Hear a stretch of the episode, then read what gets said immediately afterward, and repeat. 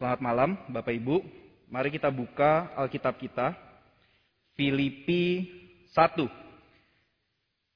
Filipi 1 ayat 27 sampai pasal 2 ayat 11. Biarkan saja Alkitab kita terbuka sambil saya ingin mengajak kita semua sedikit eksperimen. Karena tema kita adalah hidup sesuai Injil, saya ingin mengajak kita sedikit sedikit mengevaluasi diri kalau kita sekarang mau coba evaluasi hidup kita.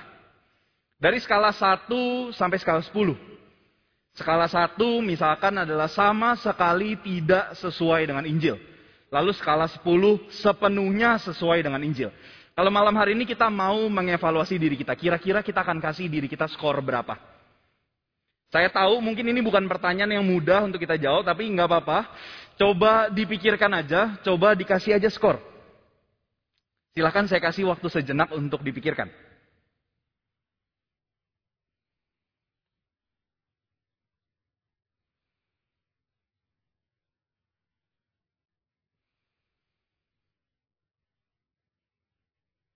Oke.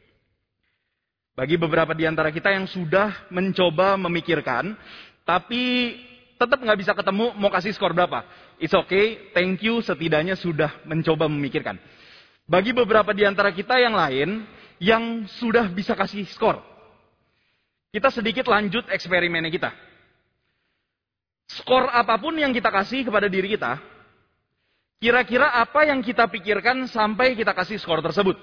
Contoh, kalau misalkan kita kasih nilai diri kita skor 4, kira-kira apa yang kita pikirkan sampai kita kasih skor 4? Atau apa pun itu, kira-kira apa yang kita pikirkan sampai kita kasih skor tertentu?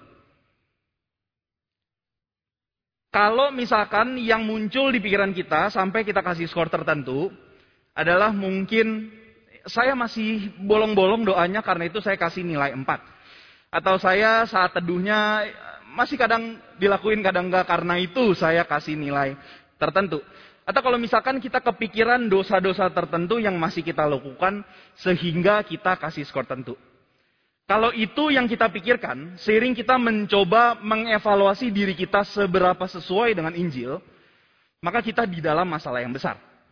Karena kita mau coba evaluasi seberapa sesuai diri kita dengan Injil, tapi yang muncul di pikiran kita secara otomatis bukan Injil, yang muncul di pikiran kita secara otomatis, otomatis adalah hukum Allah. Kenapa? Apakah karena di dalam diri kita tidak ada kategori Injil yang konkret, yang mana kita bisa rujuk untuk kita mengevaluasi diri kita seberapa sesuai dengan Injil? Kalau memang di dalam diri kita tidak ada kategori Injil yang konkret, maka kita juga di dalam masalah yang lebih besar lagi. Karena gimana caranya kita bisa mengarahkan hidup kita semakin sesuai dengan Injil. Kalau kita tidak ada gambaran konkret sesuai Injil itu seperti apa. Karena itu malam ini kita akan membahas hidup sesuai Injil. Dan semoga setelah pembahasan malam ini kita setidaknya ada gambaran yang lebih konkret. Hidup sesuai Injil itu seperti apa. Kita kembali ke teks kita.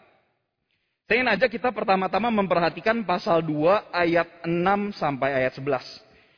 Di situ Paulus membahas Kristus yang walaupun dalam rupa Allah tidak menganggap kesetaraan Allah dan seterusnya. Hidup sesuai Injil, Injilnya itu yang di Paulus deskripsikan di pasal di ayat 6 sampai ayat 11. Itu tidak akan terlalu kita perhatikan. Kita akan lebih perhatikan hidup yang Paulus sedang dorong jemaat Filipi. Konkretnya itu dorongan Paulus hidupnya seperti apa? Itu yang akan ada di pasal 1 ayat 27 sampai pasal 2 ayat 4. Dan itu akan menjadi fokus kita. Kita perhatiin langsung pasal 1 ayat 27. Hanya hendaklah hidupmu berpadanan dengan Injil Kristus. Dari sini kita dapat tema kita hidup sesuai Injil. Saya lanjutkan. Hendaklah hidupmu berpadanan dengan Injil Kristus, supaya apabila aku datang aku melihat dan apabila aku tidak datang, aku mendengar bahwa kamu teguh berdiri dalam satu roh dan sehati sejiwa berjuang untuk iman yang timbul dari berita Injil dengan tiada digentarkan sedikit pun oleh lawanmu.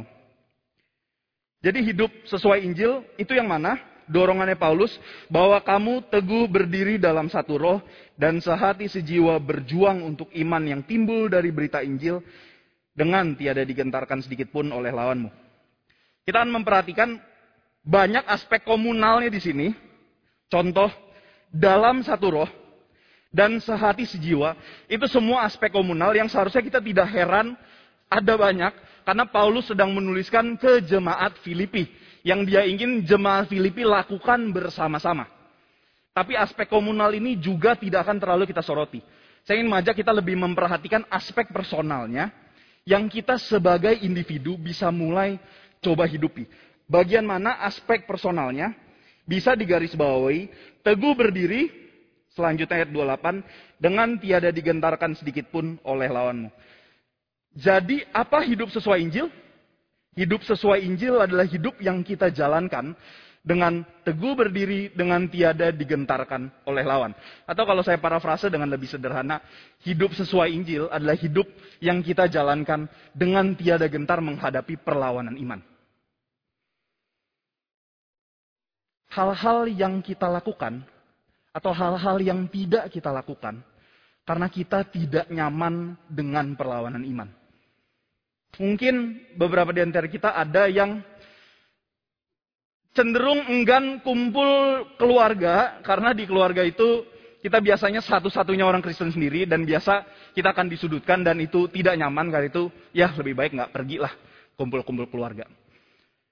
Atau kata-kata yang sebenarnya kita bisa ucapkan untuk membela rekan kerja kita, kata-kata yang kita bisa ucapkan untuk menghibur seseorang, tapi kita putuskan untuk tidak kita ucapkan karena kita tidak nyaman dianggap aneh atau kita tidak nyaman dianggap mengkristenisasi atau apa pun itu.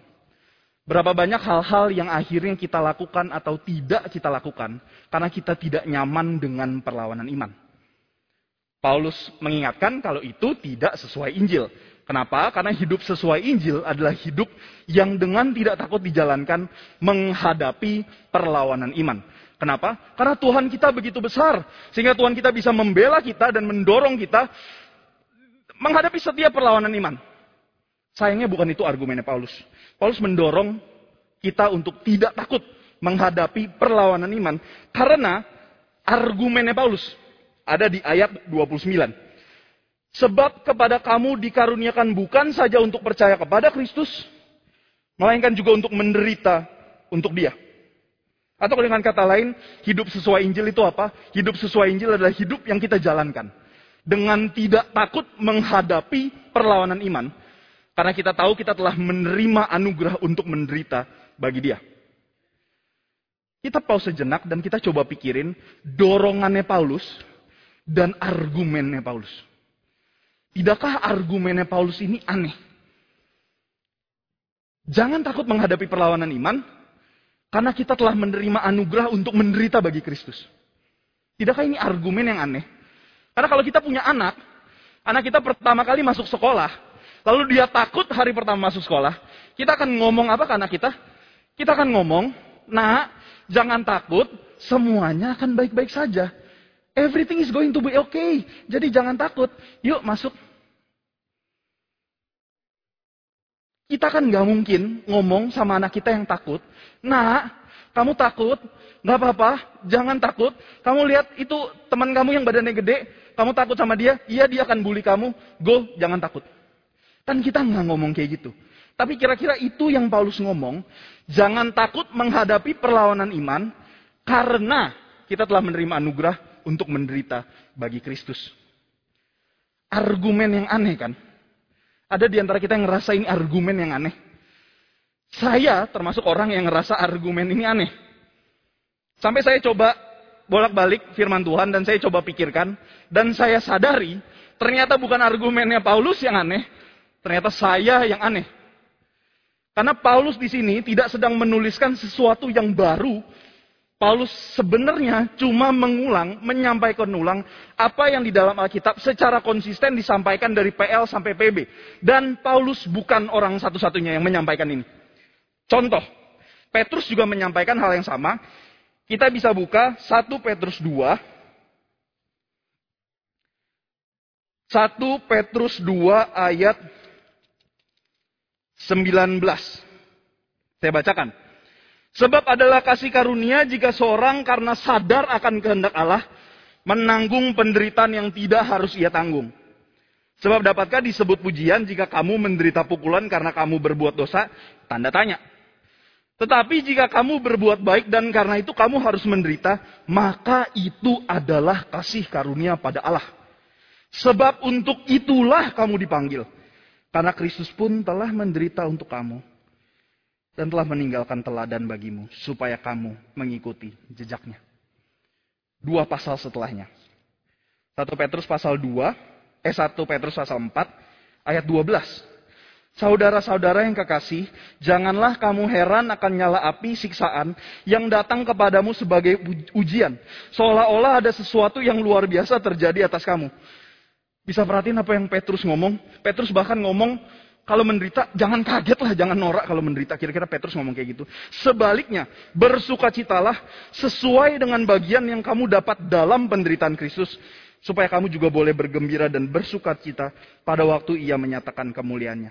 Berbahagialah kamu.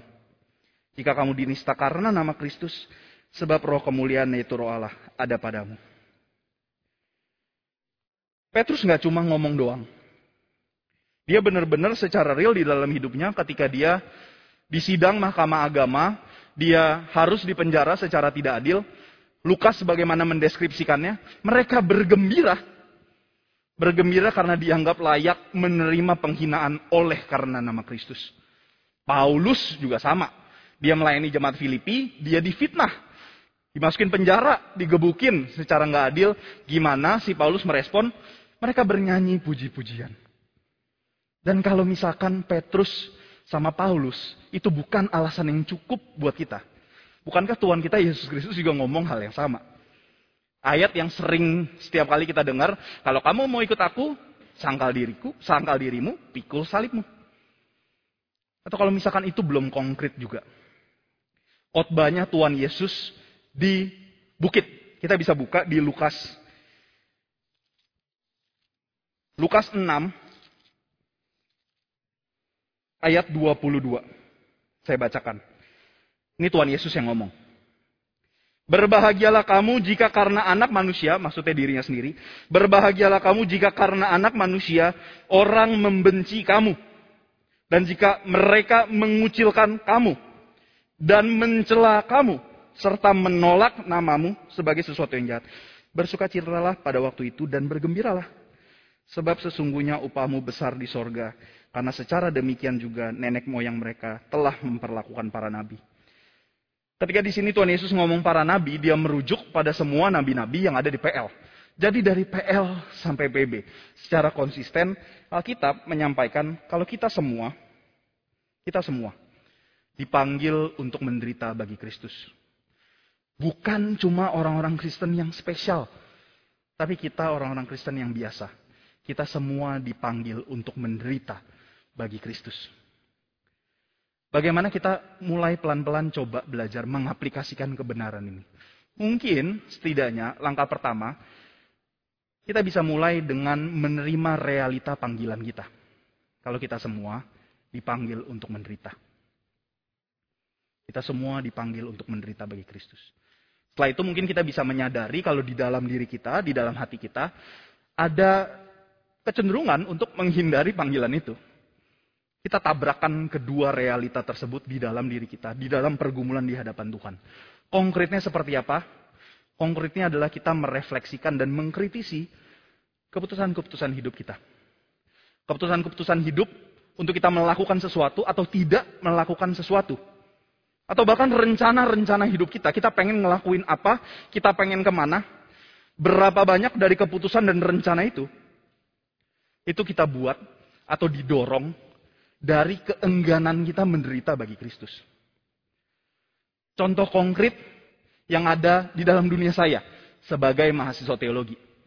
Sesuatu yang saya sadari di dalam hati saya ada dan juga seiring saya ngobrol bersama sesama rekan uh, mahasiswa teologi, kita menyadari ada pergumulan yang sama di dalam hati kita.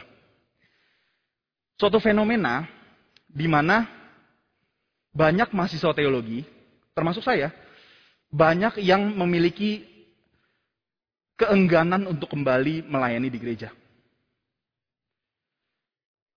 Edmund Chan pernah merasakan pergumulan yang sama. Dan dia kasih ilustrasi yang menurut saya sangat lucu dan uh, mendeskripsikan apa yang kita rasakan dengan sangat baik. Edmund Chan ngomong, kasih satu ilustrasi, bedanya pelayanan di gereja dan bedanya pelayanan di para church.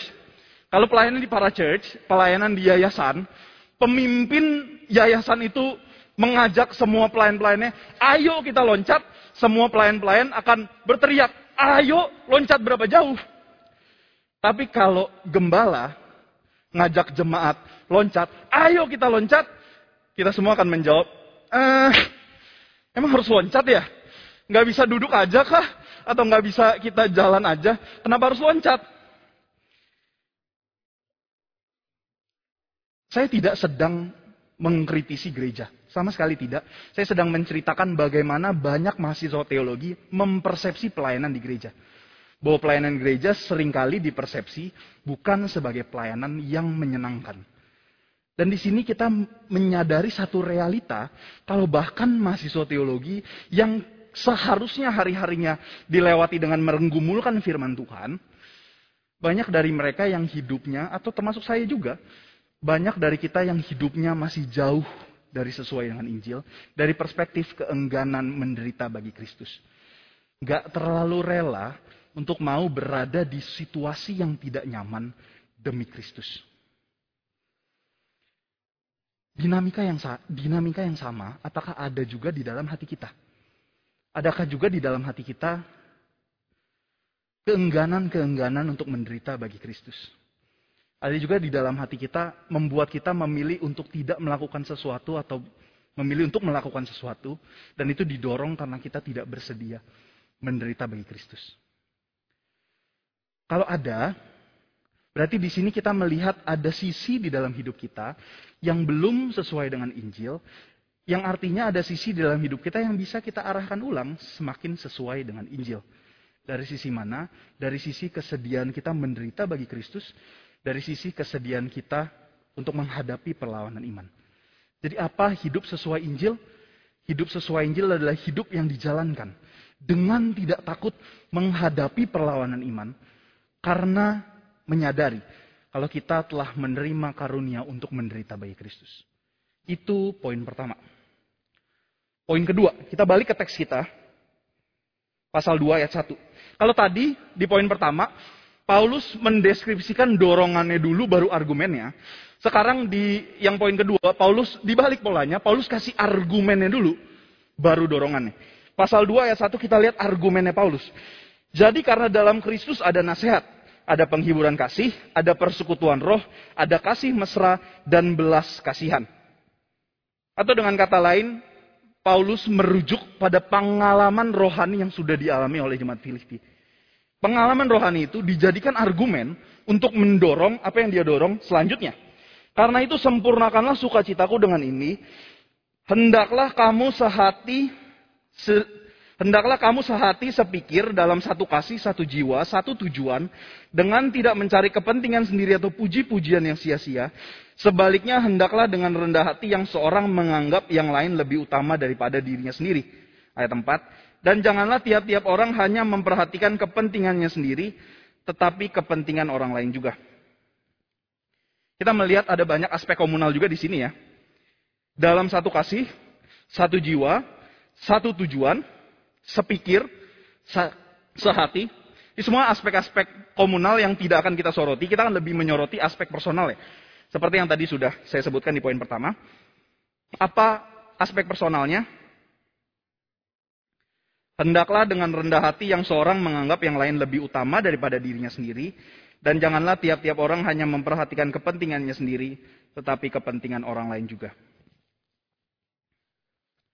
Atau dengan kata lain, hidup sesuai Injil itu apa?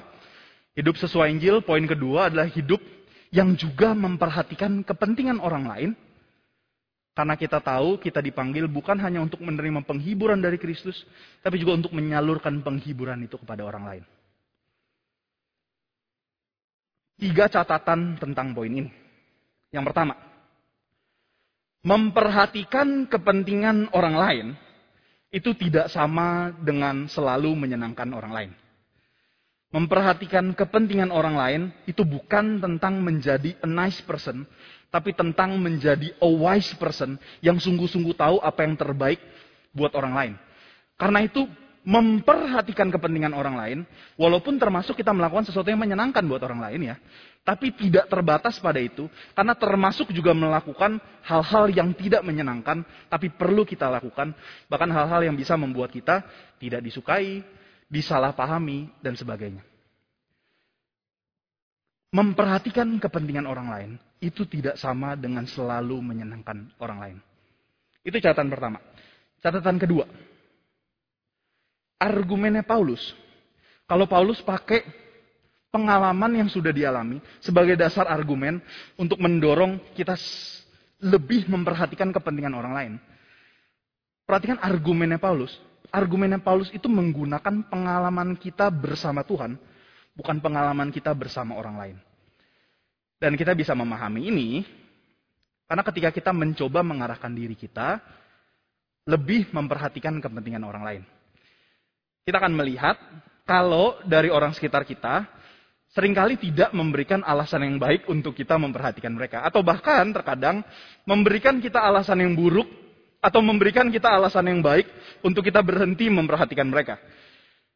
Saya yakin banyak dari kita pernah ngalamin apa yang namanya kita berusaha memperhatikan orang lain, lalu akhirnya kita dimanfaatkan, kita dieksploitasi, atau mungkin kita tidak diapresiasi, atau mungkin kita, atau mungkin orang-orang yang tidak tahu diri menuntut dari kita sesuatu yang melampaui apa yang kita mampu.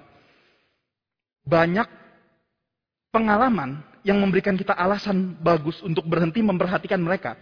Nah mungkin karena itu juga dasar argumennya Paulus bukan pengalaman kita bersama orang lain. Dasar argumennya Paulus adalah pengalaman kita bersama Tuhan. Itu catatan kedua. Catatan ketiga.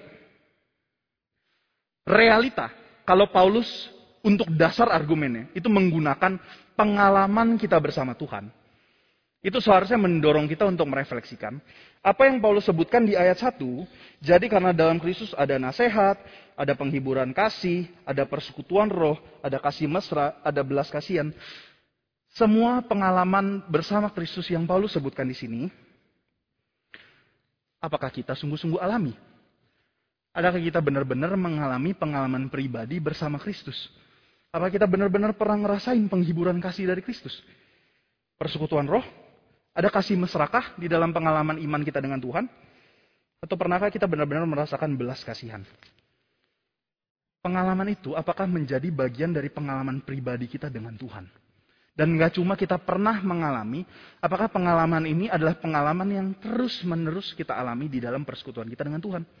Karena kalau enggak, kita tidak akan bisa, tidak akan pernah bisa secara konsisten memperhatikan kepentingan orang lain, Ya simply karena tangki cinta kasih kita ya akan cepat habis. Kalau kita tidak terikat pada dia yang adalah sumber cinta kasih itu. Itu catatan ketiga. Jadi seiring kita coba mengevaluasi, seiring kita mencoba memperhatikan diri kita. Apabila dalam diri kita ada kecenderungan kita hanya memperhatikan kepentingan diri kita. Apabila dalam diri kita ada kecenderungan selalu menyenangkan orang lain. Atau apabila di dalam hidup kita belum pernah ada pengalaman-pengalaman iman, pengalaman pribadi bersama Kristus. Itu berarti ada satu sisi di dalam hidup kita yang masih belum sesuai dengan Injil dan bisa kita arahkan semakin sesuai dengan Injil. Karena hidup sesuai Injil itu apa? Hidup sesuai Injil poin kedua adalah hidup yang juga memperhatikan kepentingan orang lain. Karena kita menyadari kita dipanggil tidak hanya untuk menerima penghiburan dari Kristus, tapi juga untuk menyalurkan penghiburan itu kepada orang lain. Poin kedua dan poin pertama tentang hidup sesuai Injil. Itu adalah dua poin yang juga saling berhubungan. Jadi bisa kita definisikan bersama-sama, walaupun definisinya jadi sangat panjang. Dan maafkan saya, saya tidak bisa mendefinisikan dengan lebih baik. Tapi setidaknya ini, hidup sesuai Injil adalah hidup yang kita jalankan dengan tidak takut menghadapi perlawanan iman, karena kita menyadari kita telah diberikan karunia untuk menderita bagi Kristus. Dan gak cuma itu doang. Hidup sesuai Injil adalah hidup yang juga memperhatikan kepentingan orang lain. Bahkan di tengah kita masih menderita itu, juga memperhatikan kepentingan orang lain. Karena kita tahu kita dipanggil tidak hanya untuk menerima penghiburan dari Kristus, tapi juga untuk menyalurkan penghiburan itu kepada orang lain. Dari definisi yang sangat panjang ini, yang tentunya kita akan sulit mengingatnya ya, tapi dari definisi yang panjang ini, kita bisa lihat beberapa aspek-aspek yang kita bisa kita bisa coba ingat menjadi indikator sejauh mana hidup kita sudah sesuai dengan Injil. Apabila di dalam diri kita ada kecenderungan-kecenderungan menghindari perlawanan iman, menghindari penderitaan bagi Kristus, kecenderungan-kecenderungan hanya memperhatikan kepentingan diri, kecenderungan selalu menyenangkan orang lain, atau bahkan belum adanya pengalaman pribadi dengan Tuhan. Itu semua aspek-aspek yang kita bisa ingat sebagai indikator untuk kita mengevaluasi sudah sejauh mana hidup kita sesuai dengan Injil dan juga mungkin sebagai indikator-indikator yang bisa membantu kita lebih mengarahkan hidup kita semakin sesuai dengan Injil. Kita tutup, mari kita berdoa. Bapak terima kasih untuk firman yang engkau sudah izinkan kami renungkan bersama-sama. Kami berdoa, kami memohon ampun, karena walaupun kami sudah menikmati Injilmu, sering kali kami tidak paham bagaimana relevansi Injilmu di dalam kehidupan kami. Dan tentunya masih banyak aspek lain yang belum kami sentuh pada malam hari ini. Tapi setidaknya kami belajar beberapa hal. Kami mohon, kami tahu keterbatasan kami yang sering kali setelah kami merenungkan firman-Mu kami bisa cepat lupa. Tapi kami mohon bantuan Engkau ya Tuhan. Sesungguhnya kami mohon karena kami tahu keterbatasan kami. Roh Kudus kami mohon engkau bantu mengarahkan hidup kami. Supaya hidup kami semakin sesuai dengan Injilmu. Dan orang-orang yang tidak pernah dapat kesempatan untuk membaca Injilmu. Dapat melihat Injil yang sama terdemonstrasikan di dalam hidup kami. Untuk besar kemuliaanmu saja ya Tuhan. Bukan untuk kami. Kami mohon doa ini di dalam nama Yesus Kristus. Amin. Kebaktian doa selesai, silahkan mengambil saat teduh.